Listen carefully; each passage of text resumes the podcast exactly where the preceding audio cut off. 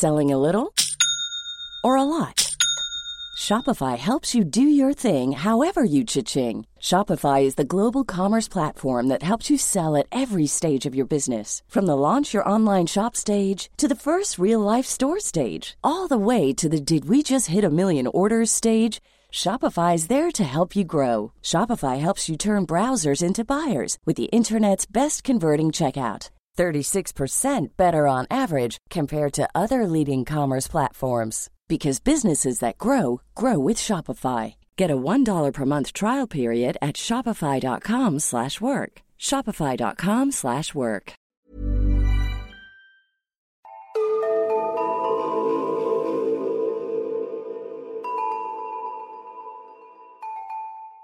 Hej och välkomna till Nära ögat, en true crime-podd för mesar. Mitt namn är Alexandra Kensdottir. Och jag heter Amelia Ingman. Välkomna tillbaka till ett eh, nytt avsnitt. Och eh, som några av er kanske märkte så släppte vi inget förra veckan för eh, du var lite sjuk alltså. Ja, jag lyckades ju dra på mig covid. Så att det var ju karantän för mig som gällde. Mm. Men hur mådde du? Alltså under omständigheterna ganska bra. Men man var ju däckad. Men hade liksom ingen feber och så, så klarade mig väldigt lindrigt undan jämfört med många andra. Mm, det är ju skönt i alla fall. Ja. Och nu känns det extra skönt att vara tillbaka här. Det var så länge sedan nu. Ja, verkligen. Och tusen tack till alla fina personer som eh, skrev och hoppades på att jag skulle bli bättre på Instagram och så. Det var jättefint att läsa när man låg där i soffan. Tusen, tusen tack. Ja, vilka gulliga lyssnare vi har. Verkligen. Det värmde så mycket. Mm. Ja, ska vi ta och köra igång? Ja, men visst. Vad, vad känner du? Vill du börja? Ja, det vill jag. Nu har jag varit isolerad för länge. Nu ska jag ut. Idag ska jag berätta om min första bedragare. Nämligen pastor Peter Popoff. Mina källor är dokumentärfilmen An Honest Liar, artiklar från Business Insider, Good Thinking Society, VA Scanet och Wikipedia.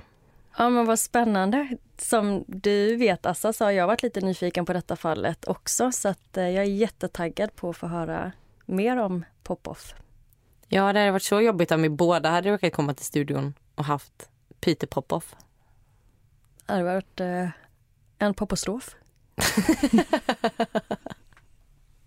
Peter Popoff föddes i Östberlin i juli 1942. Hans familj var ursprungligen från Bulgarien men de hamnade i Berlin på grund av andra världskriget. Familjen var väldigt troende. De var kristna och både Peters pappa George och hans farfar var predikanter. Pappa George och mamma Gerda emigrerade till USA med Peter och hans syster Krista. Och enligt Peter Popoffs egen hemsida så flydde de till USA för att Peters pappa och farfar hade blivit torterade på grund av sin tro. Och Peter säger själv att han minns båtfärden till eh, USA och hur han såg Frihetsgudinnan när de närmade sig land. Hur gammal var han när de flyttade till USA? Jag hittade ingen exakt ålder, eh, men han var ett barn under tio, tror jag. Okay. Väl i USA fortsatte Pires pappa att predika. Och Han var en väldigt teatralisk gospelpredikant och reste runt i USA. Och Inför varje ny stad så brukade han annonsera i den lokala tidningen innan han kom dit. Och Då kunde man ofta läsa att Dr George Popoff of Berlin skulle komma dit och predika. Och det brukade stå “Hear this unusual man of God” Så man kan ju verkligen säga att Peter Popoff föddes rakt in i det här predikandet. Och när Peter var 14 år så började han följa med sin pappa på olika resor där de predikade och spred Guds ord. De bad för de sjuka och predikade gospel för de förlorade. Och enligt Peter själv så kunde de ibland sova ute på höbalar och många gånger så hade de ingen mat. Men Peter visste att de var utskickade av Gud och att Gud därmed inte skulle låta något ont hända dem. Under den här tiden så började även Peter predika mer och mer. Och när de annonserade att de skulle komma och predika i olika städer så brukade de skriva att Peter var en mirakelpojke och evangelist. Och i de här olika annonserna så kunde det också stå att Pide var född i ett skyddsrum i Västberlin och att han hade räddats från ett sibiriskt fångläger. Och det stod också att Pide kunde förutspå framtiden och bota sjuka. Och jag har inte hittat någonting om att han skulle vara född i Västberlin eller att han skulle ha räddats från ett sibiriskt fångläger. Så att eventuellt att det här kanske var någonting de skrev bara för att få lite mer uppmärksamhet. Peter flyttade senare till Kalifornien där han först gick på Chaffee College och sen bytte han till University of California i Santa Barbara. Och det var också där han träffade sin fru Elizabeth. Han tog examen 1970, gifte sig med Elizabeth året efter och därefter började paret resa runt i USA och predika. Och jag har inte hittat jättemycket info från den här tiden förutom lite som Popoff själv berättat. Eh, han har dels berättat att han och Elisabeth inte hade så mycket pengar på den här tiden. Men eftersom att det var hans livsmål att åka runt och predika så tog de sig runt ändå. Och enligt honom själv så lyckades de en gång åka hela 80 kilometer på bensin värt endast 50 öre. Hashtag blessed. Pide hade väldigt många såna här fantastiska berättelser om hur Gud hade hjälpt honom på ett eller annat sätt. Eh, och han älskade att dela med sig till andra av de här fantastiska berättelserna. Som kanske var lite kryddade, vem vet? 1976 så började de använda sig av radio för att sprida sina evangelier. Och han sa att det var för att han ville nå de som var förtryckta, som kanske inte hade kunnat lyssna på honom annars. Och uppskattningsvis så kunde man höra hans predikningar på hundra radiostationer över hela USA. Och det var också under den här tiden som paret började använda sig mer av brevdonationer. Och om jag förstår det rätt så var det liksom att de skickade ut brev och typ bad om pengar till kyrkan. Och de började även få in en hel del pengar på det. 1982 startade de med tv-sända gudstjänster. Och eh, Peter blev en så kallad tv-evangelist. Och programmet sändes både i USA och i Kanada och blev snabbt väldigt populärt.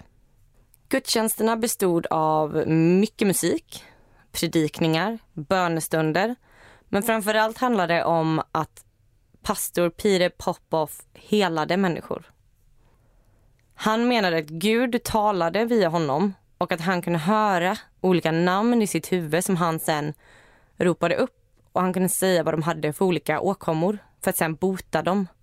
Och det gjorde han ofta genom att först alltså, ta tag i deras huvuden med händerna och sen så här, slå dem i pannan så att de faller ner på golvet. Och Pide var ju väldigt, väldigt karismatisk och gick igenom tv-rutan och rakt in i folks hjärtan. Han hade liksom blankt svart hår, så här bakåtkammat och så här kritvita tänder och var precis som sin pappa väldigt teatralisk i hur han uttrycker sig.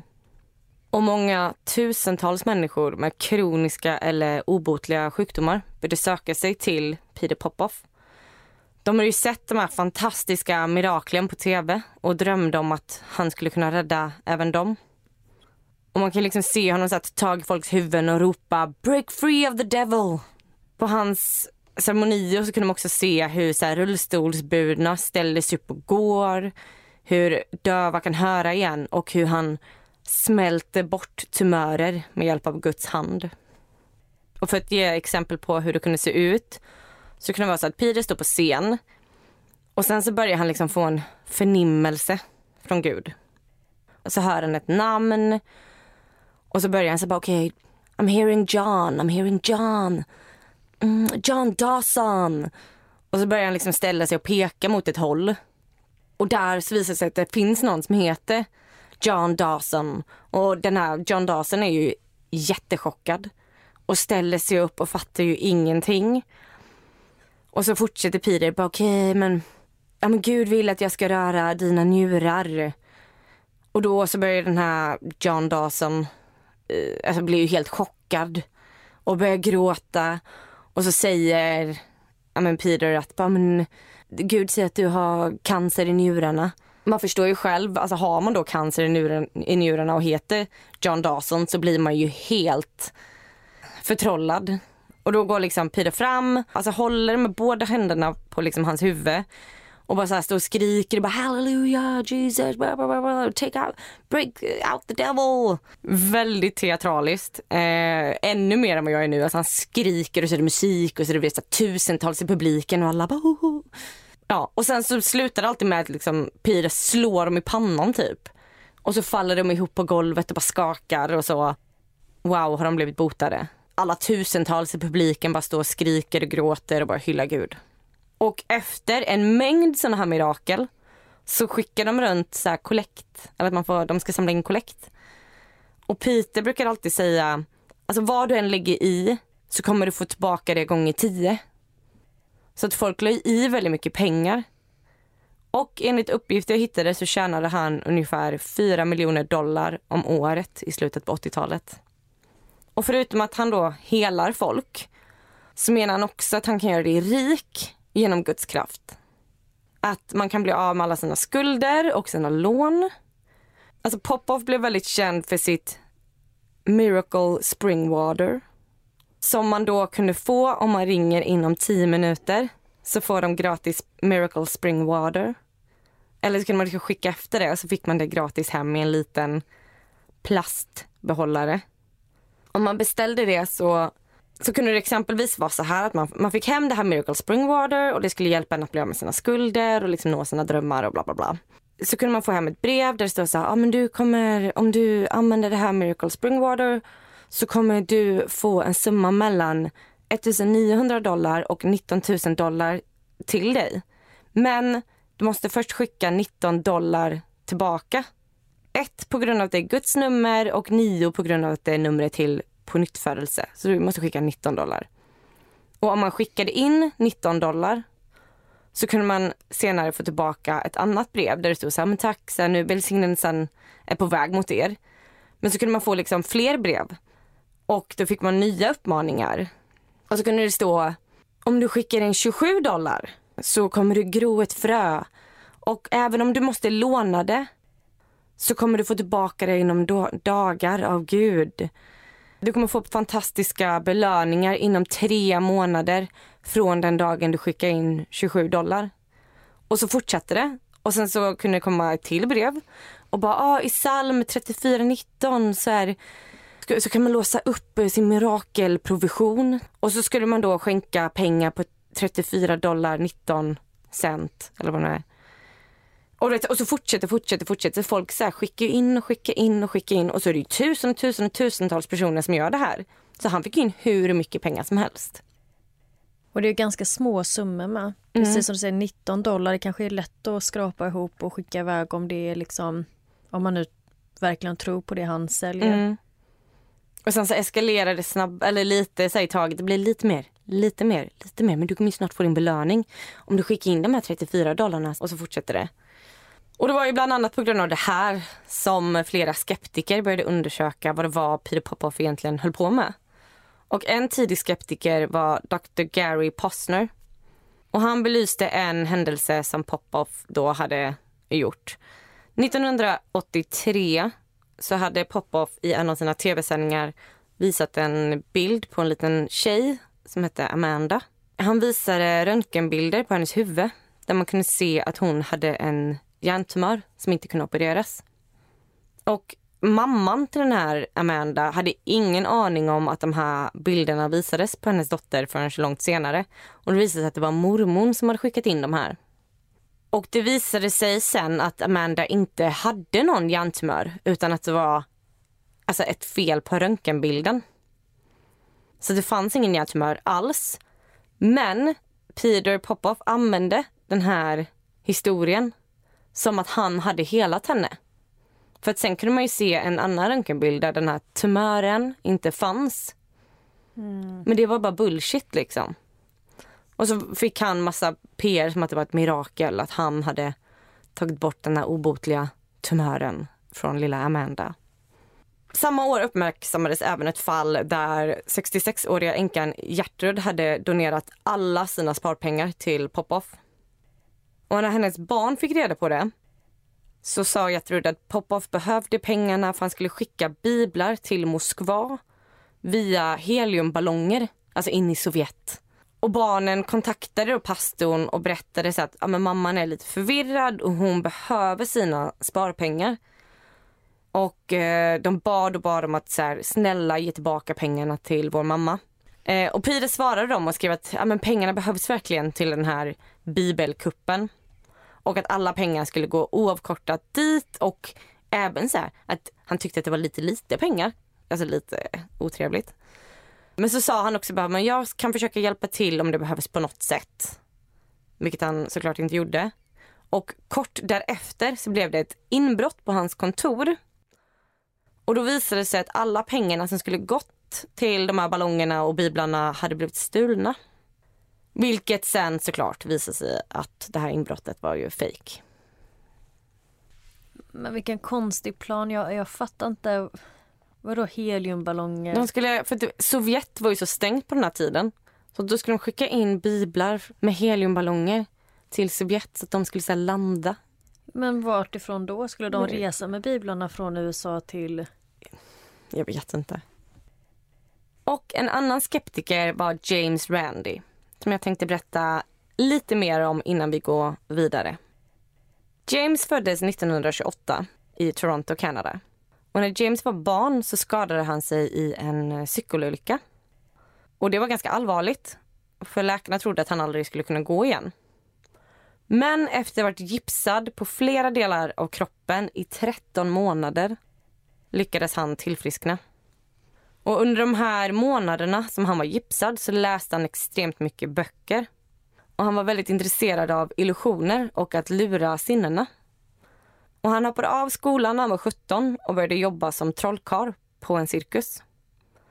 Och sen fortsatte han att jobba som mentalist på olika nattklubbar. Och han blev till slut känd som illusionist och en utbrytarkung. Han var väldigt imponerad av Houdini och blev känd under namnet The Amazing Randy. Och en dag så såg han en annons om en pastor som sa sig kunna läsa tankar med Guds kraft. Så han gick dit och tog del av hela tankeläsningsceremonin. Och sen konfronterade han pastorn och gjorde pastorns egna trick alltså på honom. Och så förklarade han för folket som var där att det här är inte Gud utan det här är ett mentalisttrick. Och den här pastorns fru hade ringt polisen på sin make och det slutade med att han spenderade några timmar i fängelse. Och detta var startskottet för James Randys karriär som vetenskaplig skeptiker, som han kallade sig. Där han motbevisade folk som sa sig ha speciella krafter. Just som pastorer, medium, astrologer etc. Och han menade ju då att så här, magiker är de mest ärliga människorna i världen de säger att de ska lura dig och sen gör de det. Han tyckte det var fantastiskt att man kan lura folk men vara öppen med att du lurar dem. Det är ett trick. Det är inte sanning. Gud vad intressant. Verkligen. Så han gjorde ju liksom en hel karriär på det här. Randy hade haft koll på Peter Popoff ett tag. Och enligt Randy var Peter en mycket farlig man. För han utnyttjade det faktum att folk var desperata och övertygade dem om att de inte längre behövde läkarhjälp utan att de hade fått hjälp av Gud. Och Popov fick folk att sluta lägga pengar på läkarbesök. Alltså ibland på sina mm, gudstjänster så uppmanade han folk att sluta ta sina mediciner och kasta ut sina mediciner längs med gångarna i kyrkan. Så folk liksom rotade upp sina mediciner i sina väskor och bara kastade ut dem i lokalerna. Så 1986 så bestämmer sig James Randi för att han ska ta reda på vad Popoff håller på med. Så han anlitar mentalisten Barnacek till ett av Popoffs event. Och Barnacek går då in som undercover på den här gudstjänsten. Och han, Barnacek berättar att stämningen var helt otrolig. Det är liksom tusentals människor som samlas tillsammans och den här pastorn säger sig ha direktkontakt med Gud och han kommer bota dig. Och mängder av människor gråter. De ramlar ner skakande på marken efter Popoff har helat dem. Det är så mycket energier i rummet och det påverkar verkligen en. Även om man är en skeptiker ska man ju känna av det. liksom. Men det tog inte lång tid innan Peter Popoff började be dem att skänka massa pengar. Han berättade att så här, de skickade inte bara runt så små bössor utan de skickar runt stora hinkar där folk ska lägga ner pengar. Och folk la alltså inte bara ner så småmynt utan även alltså massa med sedlar. Och många av de som kommer dit är inte så rika.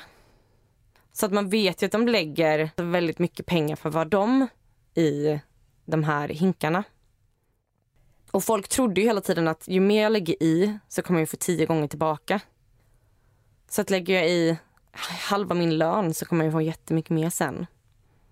Ja, men Banacek är där och verkligen så granskar den här tillställningen.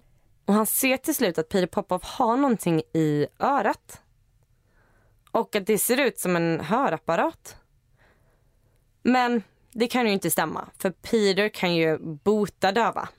Så det skulle vara helt ologiskt att han själv behöver en hörapparat. Så då förstår ju han att det här måste vara någon slags radiomottagare. Så Banacek tar med sig den här informationen och berättar för Randy som bestämmer sig för att kontakta privatdetektiven och säkerhetsexperten Alec Jason. Så Alec får då uppdraget att ta sig in på en predikan i San Francisco för att ta reda på vad det är som faktiskt pågår. Och Alec menar att han med största förmodan inte kommer kunna ta reda på någonting alls utan att det finns kanske så en 25 chans att de skulle hitta något. Dagen då Popoff skulle predika i San Francisco så klär Alec ut sig till en säkerhetsvakt. Så han har liksom en bricka och radio och massa nycklar. Och han berättar att han är extremt nervös. Men han kom in, lyckades ta sig in backstage. Och väl backstage så gömmer han sig i ett hörn bakom scenen och sätter upp sin radioutrustning.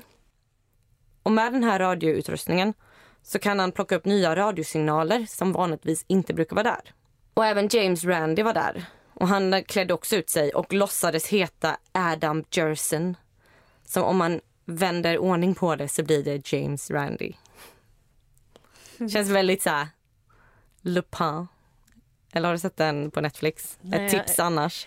Vi har tänkt sedan men jag har inte, jag har inte gjort det än. Så Alec Jason skannar då efter nya radiosignaler. Och efter ett tag så stannar den här radioscannen och blinkar och visar att han har fått upp något. Så han börjar lyssna på det och då hör han så fotsteg mot ett golv och det låter som klackar. Och sen hör han hur någon närmar sig micken och hur en kvinna säger Hello Petey, can you hear me? If you can't you're in trouble.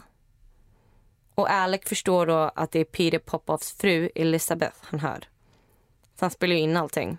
Och Alec hör sen hur Elizabeth fortsätter. Jodie Dean, hon sitter till höger. Och hon bor på den här och den här adressen. Och hon har det här och det här problemet. Och sen så hör man hur Popoff börjar bara i have Jodie Dean, Jodie Dean, she has... Och, börjar berätta om hennes problem och vilken adress hon bor på och bla bla bla. Och man hör hur Elisabeth fortsätter och berättar exakt vilka namn hon ska ta upp vart de bor, vart de sitter och vilken sjukdom de har. Och man hör hur Elizabeth säger att han ska prata med Rosa Tamir. Att hon är där med sin son Kipper som har en tumör i halsen.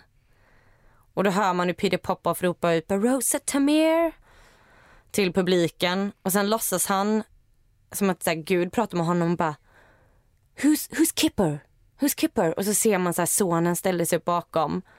Och sen så, så säger Peter Popoff han har en klump i halsen och jag kommer smälta bort den åt honom. Halleluja.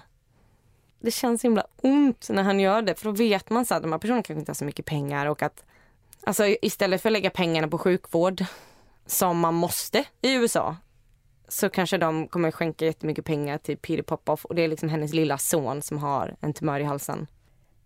Men det är det som är så hemskt när man hör om så bedragare som utnyttjar människor som redan har det svårt. Mm. För det är liksom, det är bara så mörkt. Ja, det är så hemskt. Alltså innan alla kom in i gudstjänsten så fick man fylla i sina bönekort. där man då skrev sitt namn och man skrev lite information om sig själv och man skrev vad det var man ville be för. Och många gånger skriver man ju sin sjukdom eller sitt barns sjukdom. Och sen så samlade de, alltså folk runt omkring in det här och gav det till Elizabeth så hon kunde se deras stolsnummer, vart de satt, var de bodde. Så hon kunde liksom läsa upp från deras bönekort. Ja, men så att eh, Peter Popoff kunde höra helt enkelt. Och Alex Jason stängde ner all sin utrustning.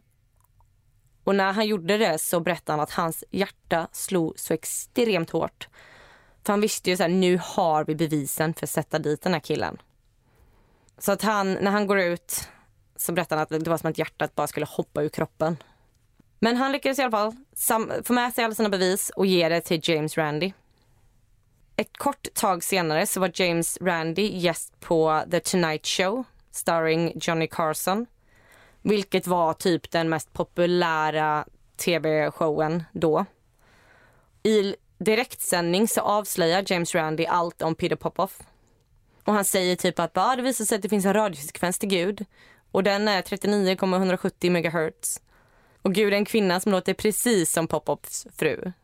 Och när Randy gick ut med det här live hos Johnny Carson så hade Peter Popoff ingen aning om att han hade spelat in det. Wow, vilken chock. Ja, men verkligen. Detta blev ju en stor skandal. Och kort därefter så ansökte Popoff om konkurs. Och jag önskar ju att jag kunde säga att ja, det var historien om Peter Popoff. Men det enda som egentligen hände är att han försvann ett tag. Jag tror inte han fick något straff. Jag hittar inget om det. Förutom att han liksom var tvungen att gå i konkurs. Men han är nu tillbaka och predikar igen. Det har eskalerat. 2003 så tjänade hans församling 23 miljoner dollar. Och han och hans fru tog tillsammans ut en miljon dollar i lön det året. Hans två barn fick eh, 180 000 dollar var i lön också. Och 2005 så gjorde han om det här företaget till en religiös organisation. Vilket jag tror betyder att han inte behöver betala skatt längre. Nu kan vi inte längre ta, ta del av hur mycket han tjänar i och med att det är hemligt på grund av att det är en religiös organisation. Men vi vet att han 2007 köpte ett hus i Bradbury, Kalifornien för 4,5 miljoner dollar. Och det är tyvärr historien om fortfarande aktiva Peter Popoff. Så håll er borta. Wow, vad sjukt att han fortfarande är aktiv. Mm. Men vad konstigt att man liksom inte får något större straff. Eller att han liksom bara kan fortsätta med det han liksom höll på med. Ja, alltså det, det jag vet, jag vet inte om han kanske fick böter eller någonting men det enda jag hittade var liksom att han var tvungen att gå i konkurs. Ja, men jag tror inte att han fick något fängelse eller så. För jag hörde talas om det här fallet för ett tag sedan och jag har sett den här dokumentären för jättelänge sedan. Eh, men jag blev så chockad nu när jag gjorde research och förstod att han fortfarande är igång. Och man kan fortfarande köpa hans Miracle Springwater. Som du säger, det känns så himla mörkt att någon försöker tjäna pengar på folk som redan är desperata. Nej men precis, för att jag menar det hade nog inte känts lika hemskt om det var folk som inte var så utsatta. Så det här är kanske sista utvägen, sista hoppet. Man lägger sina besparingar på att få, liksom försöka rädda sitt, ja men i vissa fall sitt, sitt barn. Mm. Och att folk kanske tror på det här att, ja men låt säga att man har cancer eller någonting och man tror att, ja men nu via Peter Popoff så kommer han smälta bort mina tumörer. Och så kanske man slutar gå på sina behandlingar eller kasta sina mediciner i gången. Och det är ju jättefarligt. Mm. Ett sånt extremt förtroende han måste ha byggt upp bland sina följare där. Mm. Ja, tack så jättemycket för en sjukt spännande berättelse. Och vi borde nästan lägga upp det här klippet från eh, hans predikan då när de plockar upp vad hans fru säger till honom. Mm.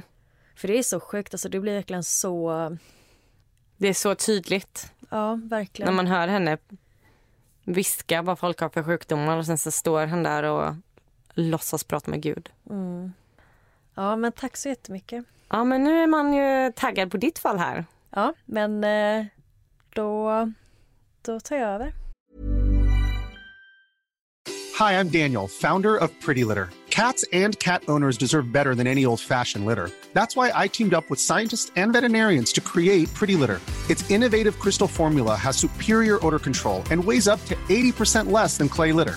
Pretty Litter even monitors health by changing colors to help detect early signs of potential illness. It's the world's smartest kitty litter. Go to prettylitter.com and use code ACAST for 20% off your first order and a free cat toy. Terms and conditions apply. See site for details. I'm Sandra, and I'm just the professional your small business was looking for. But you didn't hire me because you didn't use LinkedIn jobs. LinkedIn has professionals you can't find anywhere else, including those who aren't actively looking for a new job but might be open to the perfect role, like me.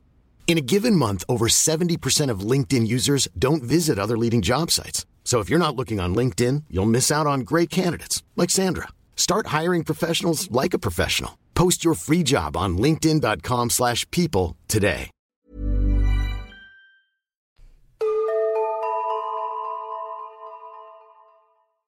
Idag så ska jag berätta om Lydia Fairchild. Och det här fallet har jag blivit tipsad om av Felicia. Så tack så jättemycket för tipset. Din syrra? Ja. Ja, tack Felicia. Och eh, mina källor som jag har använt mig av är en dokumentär av Only Human, ABC News, healthstreet.net och Wikipedia. Lydia Fairchild är född 1976 och kommer från USA. Lydia fick sitt första barn när hon var 21 år gammal tillsammans med hennes dåvarande pojkvän Jamie. Och hon älskade att eh, vara mamma. Förhållandet höll tyvärr inte, men trots att hon och Jamie var separerade så fick de deras andra gemensamma barn bara ett år senare. Och kort därefter så var hon gravid igen och väntade deras tredje gemensamma barn. Året är nu 2002 och Lydia är 26 år gammal. Lydia och Jamie var som sagt inte ett par under deras tredje graviditet. Och utan jobb eller fast inkomst så hade Lydia väldigt svårt att försörja sig själv och barnen. Så hon ansöker om socialbidrag. Staten kräver ett eh, DNA-test från Jamie för att bevisa att han är barnens pappa innan de kan godkänna Lydias ansökan. Och I samband med detta så tar man även ett DNA-test från Lydia. I december 2002 så får hon ett eh, samtal från Åklagarmyndigheten. Och Lydia ber dem att eh, bara läsa upp resultatet över telefon. För det är bara för dem att egentligen bekräfta vad hon redan vet, att Jamie är barnens pappa. Men mannen som har ringt upp henne säger att hon måste komma in till deras kontor. Så hon åker dit och de tar in henne i ett litet rum och där inne så står mannen som hon pratar med i telefon och en annan kvinna. De tittar på Lydia och hon frågar vad provsvaren visade. Och de svarar att Jamie är med 99% sannolikhet barnens pappa. Okej, bra, svarar Lydia, då vet vi det. Men de fortsätter berätta att det finns ett annat problem. Och det är att det finns ingen chans att Lydia är barnens mamma. Va? Ja, precis så. Lydia blir helt chockad och säger att de måste ha gjort fel. För hur kunde resultatet säga att hon inte var deras mamma? Så hon reagerar först med att skratta och frågar liksom vad, vad pratar ni om? Men både mannen och kvinnan var helt allvarliga och de börjar fråga ut henne. Vem är hon egentligen? Är hon ens Lydia Fairchild? Var fick hon tag i de här barnen? Är det hennes systers barn som hon har kidnappat? Eller försöker hon bara komma undan med bidragsfusk? Oj, jag fattar ingenting. Ett DNA-test mellan en mamma och ett barn ska visa 50% av mammans DNA-mönster i barnet. Och Lydias test visade ingen match överhuvudtaget. Det var 0 Och baserat på de här provresultaten så var chansen att Lydia skulle vara barnens biologiska mamma en på en biljon.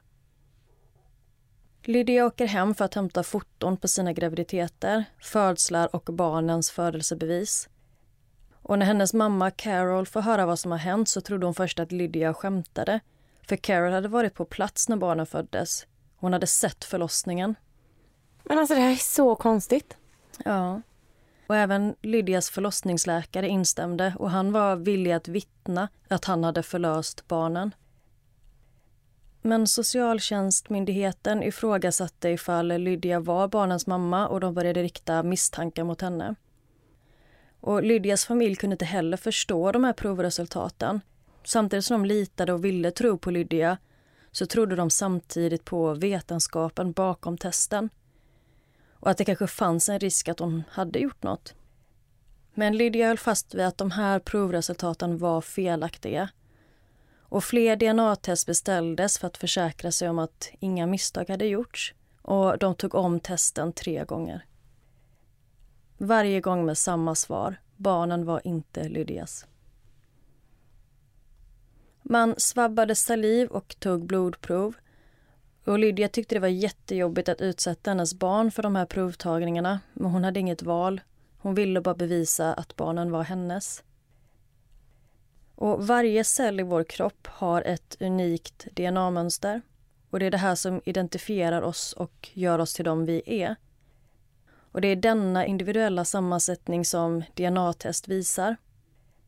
Och DNA-test ses som ett fullkomligt säkert sätt att eh, identifiera individer och eh, deras härstamning. Och när ett DNA-test visar på att något inte stämmer så finns det utan tvekan något att avslöja. Och Lydia var nu tvungen att hitta en förklaring på varför hennes DNA inte matchade hennes barn, men hon visste inte hur. Ja, men alltså, det är som så här, alla fall som vi har pratat om. Då är DNA-test det mest säkra testet som finns. Absolut, det är ju en så jättestark bevisningsfråga som man använder i jättemånga olika typer av brottsutredningar. Det blir väldigt så svart på vitt. Du är barnens pappa eller du är inte barnens pappa. Eller nu, du är barnens mamma mm. eller inte barnens mamma. Jag är så nyfiken på hur det här ska fortsätta nu. Lydias fall fortsatte utredas och bevisen pekade på att Lydia försökte komma undan med bidragsfusk. Hennes pappa, alltså barnens morfar, var nämligen tidigare dömd för just bedrägeri och satt inne. Och detta påverkade bilden av Lydia. Misstankar riktades även mot Lydias ex, barnens pappa Jamie, och även han blev intervjuad av myndigheterna. De frågade honom vad som pågick, Jamie var ju pappan, men Lydia var inte mamman. Men Jamie menar på att det här kan inte stämma för att han såg sina barn födas. Men de trodde bara att han ljög när han berättade att han var med i förlossningsrummet. De trodde eventuellt att han kunde ha fått barn med Lydias syster eller kanske med en annan kvinna och att de tillsammans kokat ihop den här historien då för att dela på bidraget. Familjens bevis och dokumentation från sjukhuset gällande de två första barnens födsel verkar inte spela någon roll. Förlossningsläkaren kunde till och med gå i god för att Lydia var mamman men de var inte intresserade av att höra detta. Myndigheterna litade blint på DNA. Lydia var som sagt gravid med parets tredje barn under tiden för utredningen. Och hon förde dagbok och skrev ner allt hon gick igenom. Alla förhör hon tvingades gå på och hur mycket stress detta utsatte henne för. Och hon berättar att hon bröt ihop efter ett av de här förhören och grät helt hysteriskt. Och det här bröt ju successivt ner henne. Så när utredarna hotade med att ge henne ett lögndetektorstest så sa Lydia åt dem att bara låta henne ta ett. Men så blev det inte och kort därefter så fick hon en kallelse att infinna sig i familjerätten. Och hon var helt förstörd. Lydia nekades inte bara statligt stöd för hennes barn utan nu riskerar hon även att förlora vårdnaden. Och hon behövde en advokat som skulle kunna hjälpa henne. Lydia påverkades väldigt hårt av detta. Hon kunde inte äta, hon var nervös, skakig och hon kunde inte fokusera eller förstå vad som pågick. Hon hade burit sina barn och hon hade fött dem och hon hade haft dem sedan dag ett. Rättegången var till för att officiellt fastslå barnens föräldraskap. Lydia blir som sagt allt mer stressad och paranoid. Hon var även livrädd för att åtalas för bidragsfusk och därmed förlora barnen i väntan på rättegången. Barnen var så pass små så Lydia kunde inte förklara för dem vad det var som pågick. Men hon var ständigt rädd att någon bara skulle dyka upp och ta hennes barn ifrån henne. Hon hade ingen aning om hur hon skulle förklara det här DNA-resultatet och hon visste inte vad hon skulle göra härnäst. Men hon började ringa runt till alla advokater som hon kan hitta i telefonboken. Men en efter en så avböjde de att hjälpa henne. Det fanns ingen chans att de kunde bevisa att hon var barnens mamma. Så hon eh, lyckades inte hitta en advokat villig att representera henne i rätten. För hur ska man kunna argumentera emot DNA? Men hur långt eh, gången var hon med sin tredje graviditet? Hon är i slutet på den tredje graviditeten.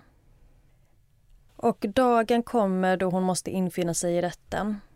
Det första åklagaren säger är att de vill omhänderta barnen och placera dem i olika fosterhem. Och Lydia är helt förtvivlad. Hon känner att hon står ensam emot staten och hon har ingen på sin sida. Men också så här, det kanske inte är så lätt för henne att ha råd med en jättebra advokat i och med att hon alltså sökte om, vad var det, socialbidrag? Ja, precis.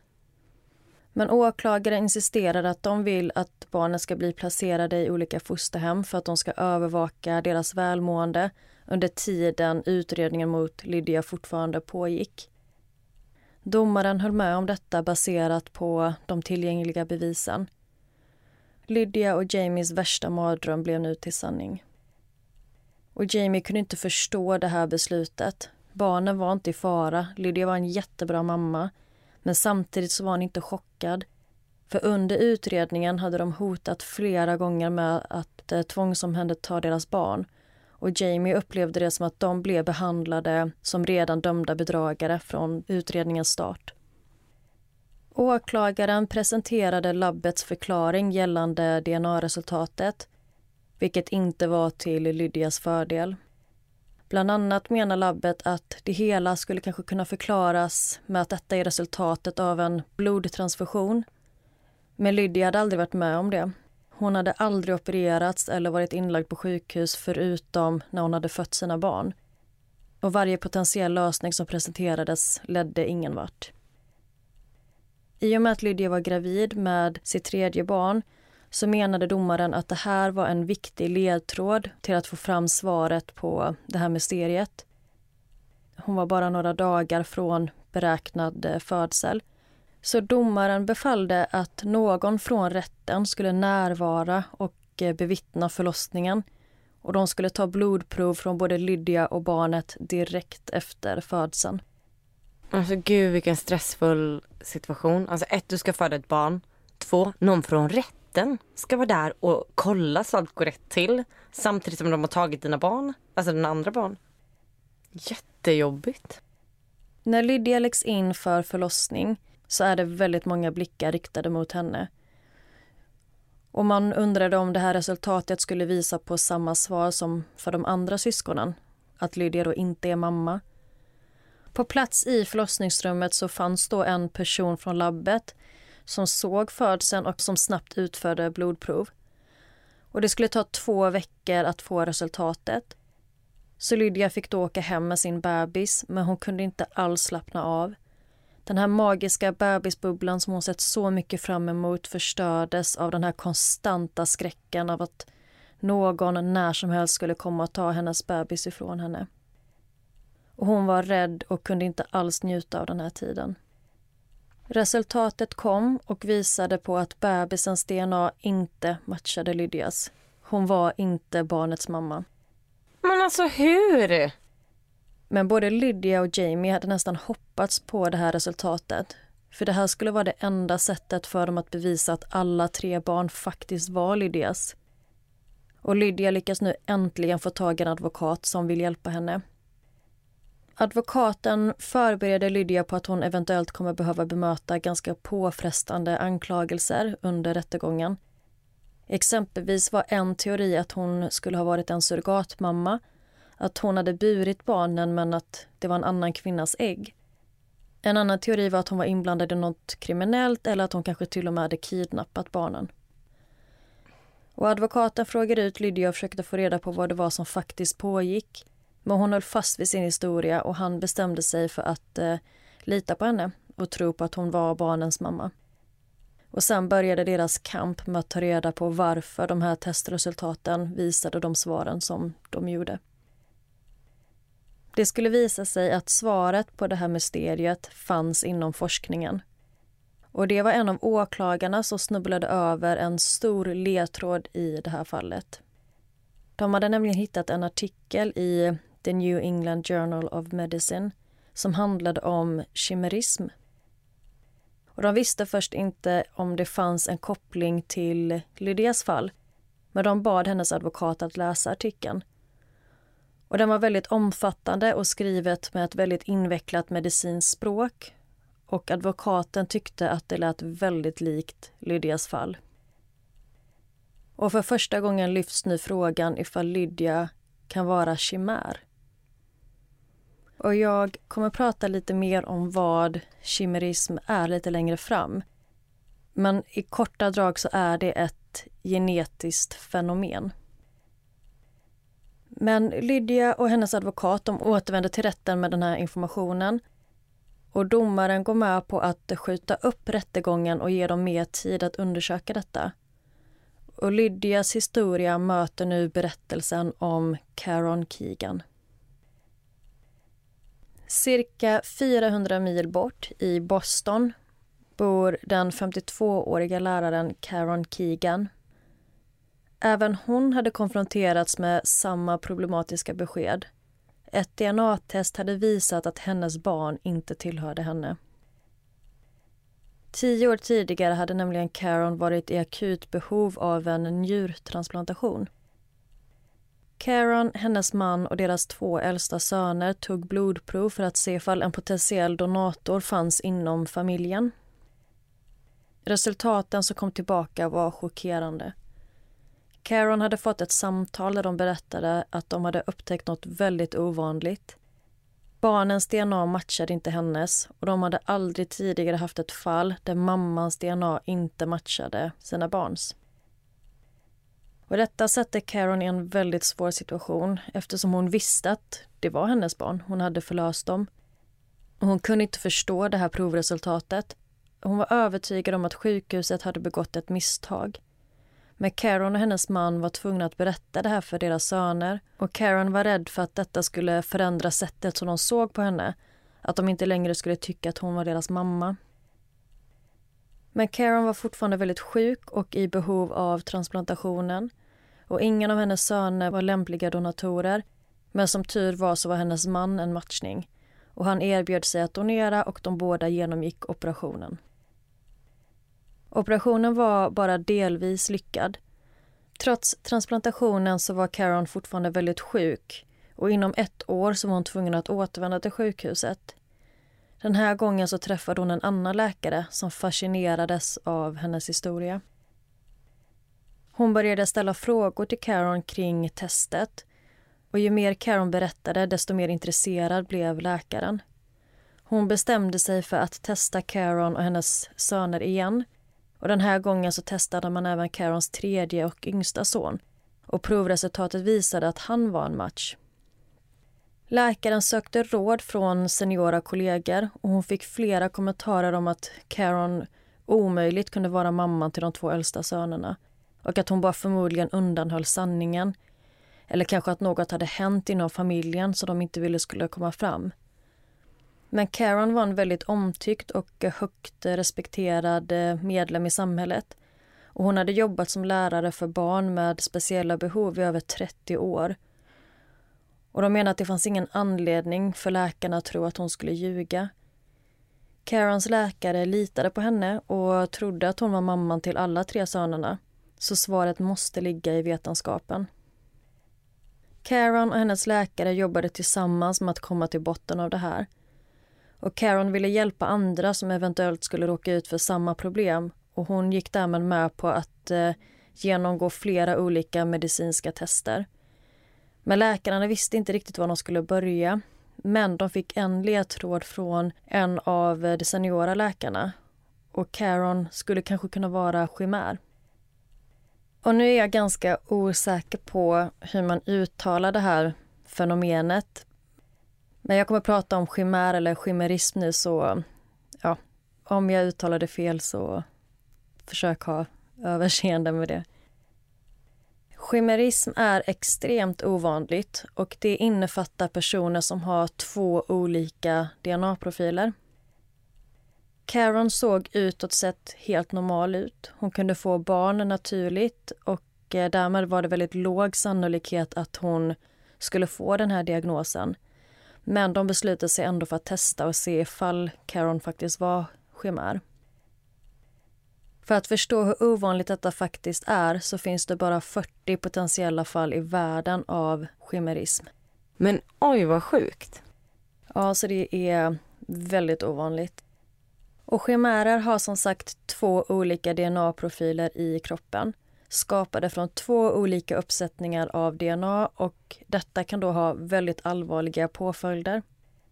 Ett exempel är en bebis från Texas som var väldigt pigg och livlig och verkade frisk.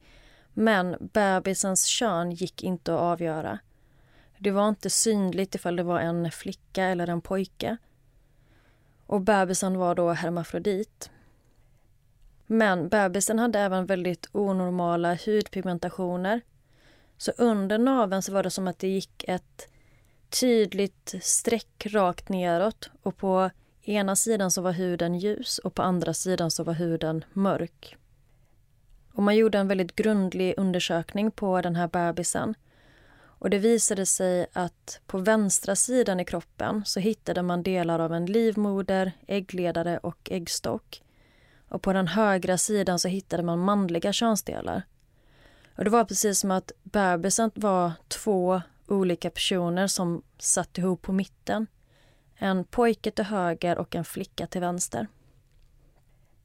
Och faktumet att bebisen var hermafrodit och den här hudpigmenteringen pekade på att det skulle kunna vara en chimär. Men man behövde utföra mer detaljerade tester för att fastställa den här diagnosen. Och blodprov visade att bebisen hade DNA från både en kvinna och en man och hade dubbelt så mycket genetisk information än hos en vanlig person. Jag har aldrig hört talas om det här innan. Nej, jag hade inte heller gjort det innan jag kom över det här fallet. Och ingen vet säkert hur det kan bli så här, men svaret ligger i livmodern. Och en teori är att i väldigt tidigt skede i utvecklingen så blir två individuella fertiliserade ägg sammanvävda. I det här skedet så är de fertiliserade äggen endast ett kluster av celler men respektive ägg har redan sitt unika DNA. Och sammanvävningen av celler leder sedan till två uppsättningar av DNA i endast ett embryo. Alltså då är det som att det är två äggstvillingar från början som sen typ växer ihop och blir en? Eller? Fast, ja, fast ännu tidigare i graviditeten. Så att det är inte ens foster, utan det är bara celler. Annorlunda hudpigmentering är något som de tidigare identifierade fallen har gemensamt. En person hade till exempel en hudpigmentering som var mörka och ljusa fyrkanter på magen. Alltså väldigt, väldigt skarpa och tydliga linjer, nästan som ett schackbräde. Oj! Och i Karen Keegans fall så fanns det inga synliga spår. Läkarna hade väldigt lite att gå på. Och för att bevisa att Karen var chimär så var de tvungna att hitta ytterligare en uppsättning DNA i hennes kropp. Och en grupp läkare sattes ihop för att utreda Karen. Bland annat hade man en immunolog från Röda Korset och en från Harvard. Och de tittade på hennes blod, men det visade bara på en uppsättning DNA. Det är samma för hennes saliv, hudceller och hårceller. Men sen började de testa hennes inre organ. Och genom en operation så kunde de ta prover från sköldkörteln och från hennes blåsa. Men det skulle ta flera månader innan de här provresultaten kom tillbaka. Karons båda bröder och hennes mamma donerade blod till den här forskningsstudien. Och det var en viktig del i den här undersökningen. Och genom deras blodprov så kunde man se att Carons söner var ättlingar från deras pappa och morbror, alltså Carons bror. Och det visade sig att Carons bror hade det DNA som fanns i hennes barn men som hon själv saknade. Så någonstans i Caron så måste det finnas ett dolt DNA. Och till slut fick man tillbaka provresultaten och man hade hittat det i sköldkörteln. Forskarna hade fortfarande ingen förklaring kring varför. Och det är precis som att hon är två helt olika individer. Och man kunde i och med detta fastslå att Caron var chimär. Och forskarna förklarade det hela som att vanligtvis ärver man 50% av sin pappa och 50% av sin mamma. Men Karen hade ärvt 100% av vardera förälder. Så hon var som två människor i en kropp. Och i vissa organ var den ena DNA-profilen mer dominant än den andra och tvärtom. Och detta är resultatet av sammanvävningen av två fertiliserade ägg i ett väldigt, väldigt tidigt skede, alltså inom de första fyra dagarna.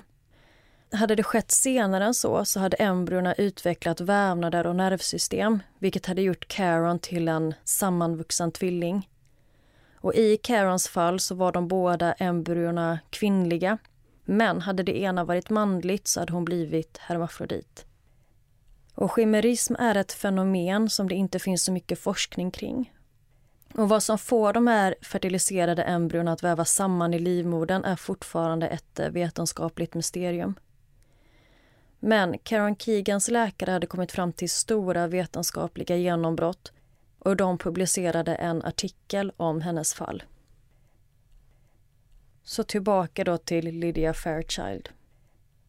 Efter hennes advokat hade kommit över den här artikeln så kontaktade han läkarna vid Beth Israel Hospital som hade utrett Caron.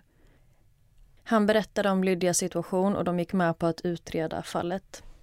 Trots att chimerism är så extremt ovanligt så var det bara två år efter Carons diagnos som läkarna fick möjlighet att undersöka Lydia. Och de gjorde flera olika tester både på Lydia men även hennes familj. Och främst tog de vävnadsprover från Lydia då. Men de här proverna tog väldigt lång tid att utreda och de var väldigt komplexa. Och I Carons fall så hade det tagit forskarna flera år att fastställa hennes diagnos. Men Lydia kände en brådska att få hennes besked. Men innan alla provsvar hade hunnit komma tillbaka så var Lydia tvungen att infinna sig i rätten igen. För nu var det dags att fastslå ifall hon var mamman till barnen eller inte. Forskarna försökte skynda på processen men det var fortfarande alldeles för tidigt att eh, fastslå en diagnos. Men vad de kunde visa på var att det fanns en definitiv DNA-länk mellan Lydias barn och hennes mamma, alltså barnens mormor. Detta besked tillsammans med läkarjournaler från hennes tidigare förlossningar lämnades in till rätten som bevis på Lydias föräldraskap. Bevisningen var tillräcklig. Domaren som initialt hade ifrågasatt ifall Lydia var barnens mamma erkände nu att han hade haft fel när han tvivlade på henne i över ett år hade Lydia levt med skräcken av att någon skulle ta hennes barn ifrån henne. Men nu kunde hon äntligen andas ut igen och hon bröt ihop av lättnad. De fastslog att Lydia och Jamie var barnens biologiska föräldrar 16 månader efter de fått det första provresultatet från DNA-testet. Alla inblandade i det här fallet förstod hur allvarligt detta hade påverkat familjen och domaren ifrågasatte nu hur mycket man faktiskt kan lita på DNA-prover. Rätten förlitar sig till stor del på resultat från DNA-test i många olika typer av brott. Det kan vara vårdnadstvister, mord och folk döms till döden baserat på DNA-prover men kan även bli frisläppta på grund av dem. Och DNA-tester används flitigt till exempel när man jämför DNA-spår från brottsplatser med misstänkta gärningsmän. Och vad skulle hända om den misstänkta är chimär? Jag tänkte precis på det.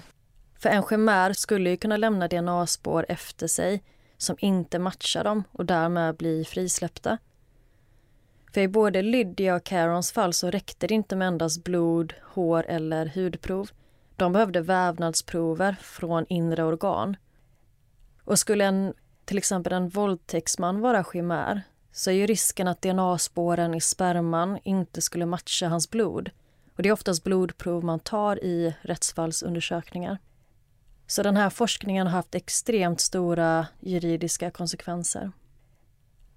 Efter rättsprocessen var över försökte Jamie och Lydia återgå till sin vardag igen och få ordning på livet. De har nu blivit tillsammans igen och de vill ge sin familj en andra chans och de är numera föräldrar till fyra barn. Men Lydia känner fortfarande ett orosmoln över sig och hon undrar varför det här hände just henne och hon vill veta mer och hon vill ha förståelse kring hur det kunde bli så här. Så Lydia fortsatte sin utredning tillsammans med forskarna i Boston i hopp om att få ett ordentligt svar gällande hennes DNA-resultat.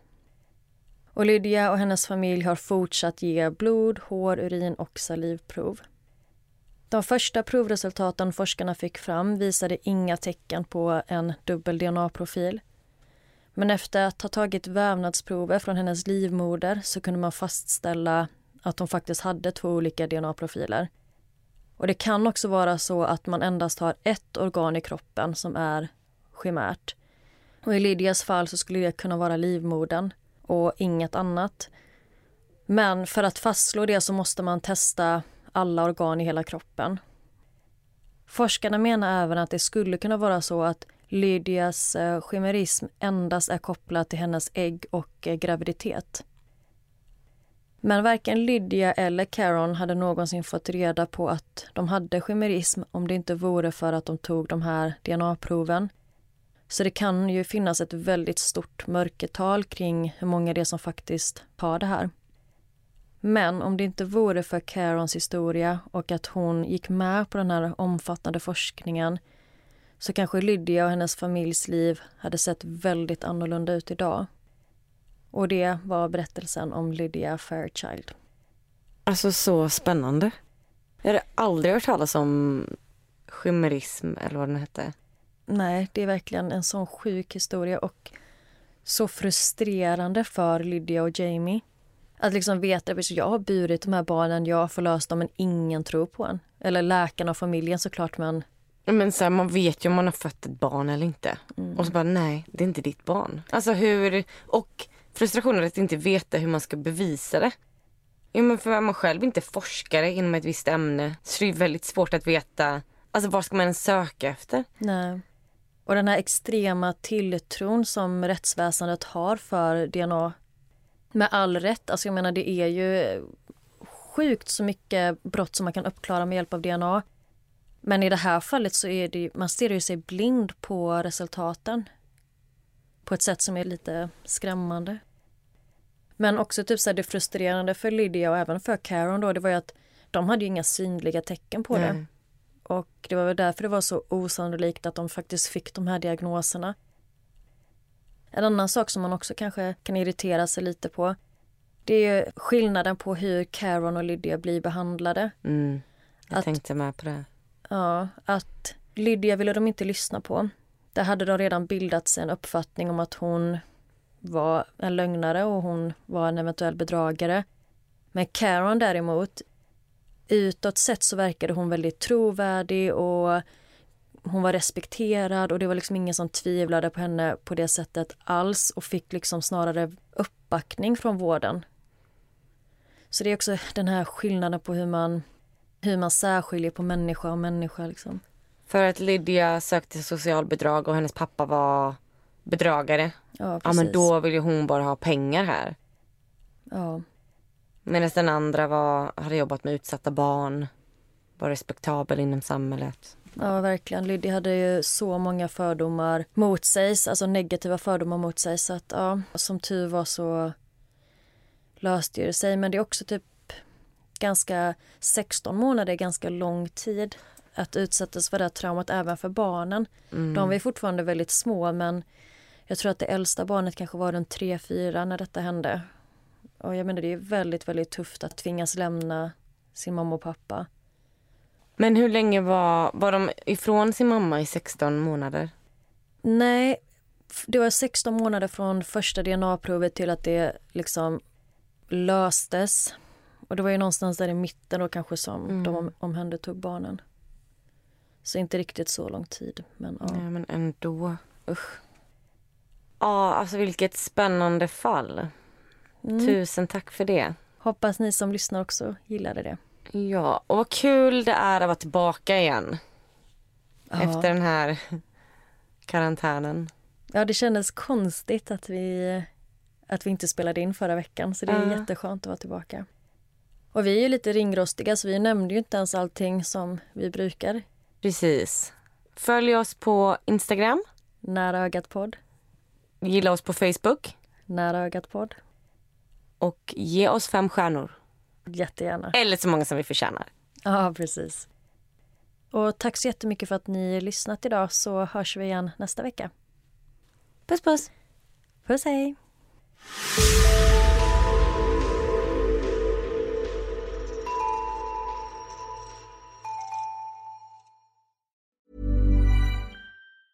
Even when we're on a budget, we still deserve nice things. Quince is a place to scoop up stunning high-end goods for 50 to 80% less than similar brands. They have buttery soft cashmere sweaters starting at $50, luxurious Italian leather bags, and so much more. Plus, Quince only works with factories that use safe, ethical, and responsible manufacturing. Get the high-end goods you'll love without the high price tag with Quince. Go to quince.com slash style for free shipping and 365-day returns.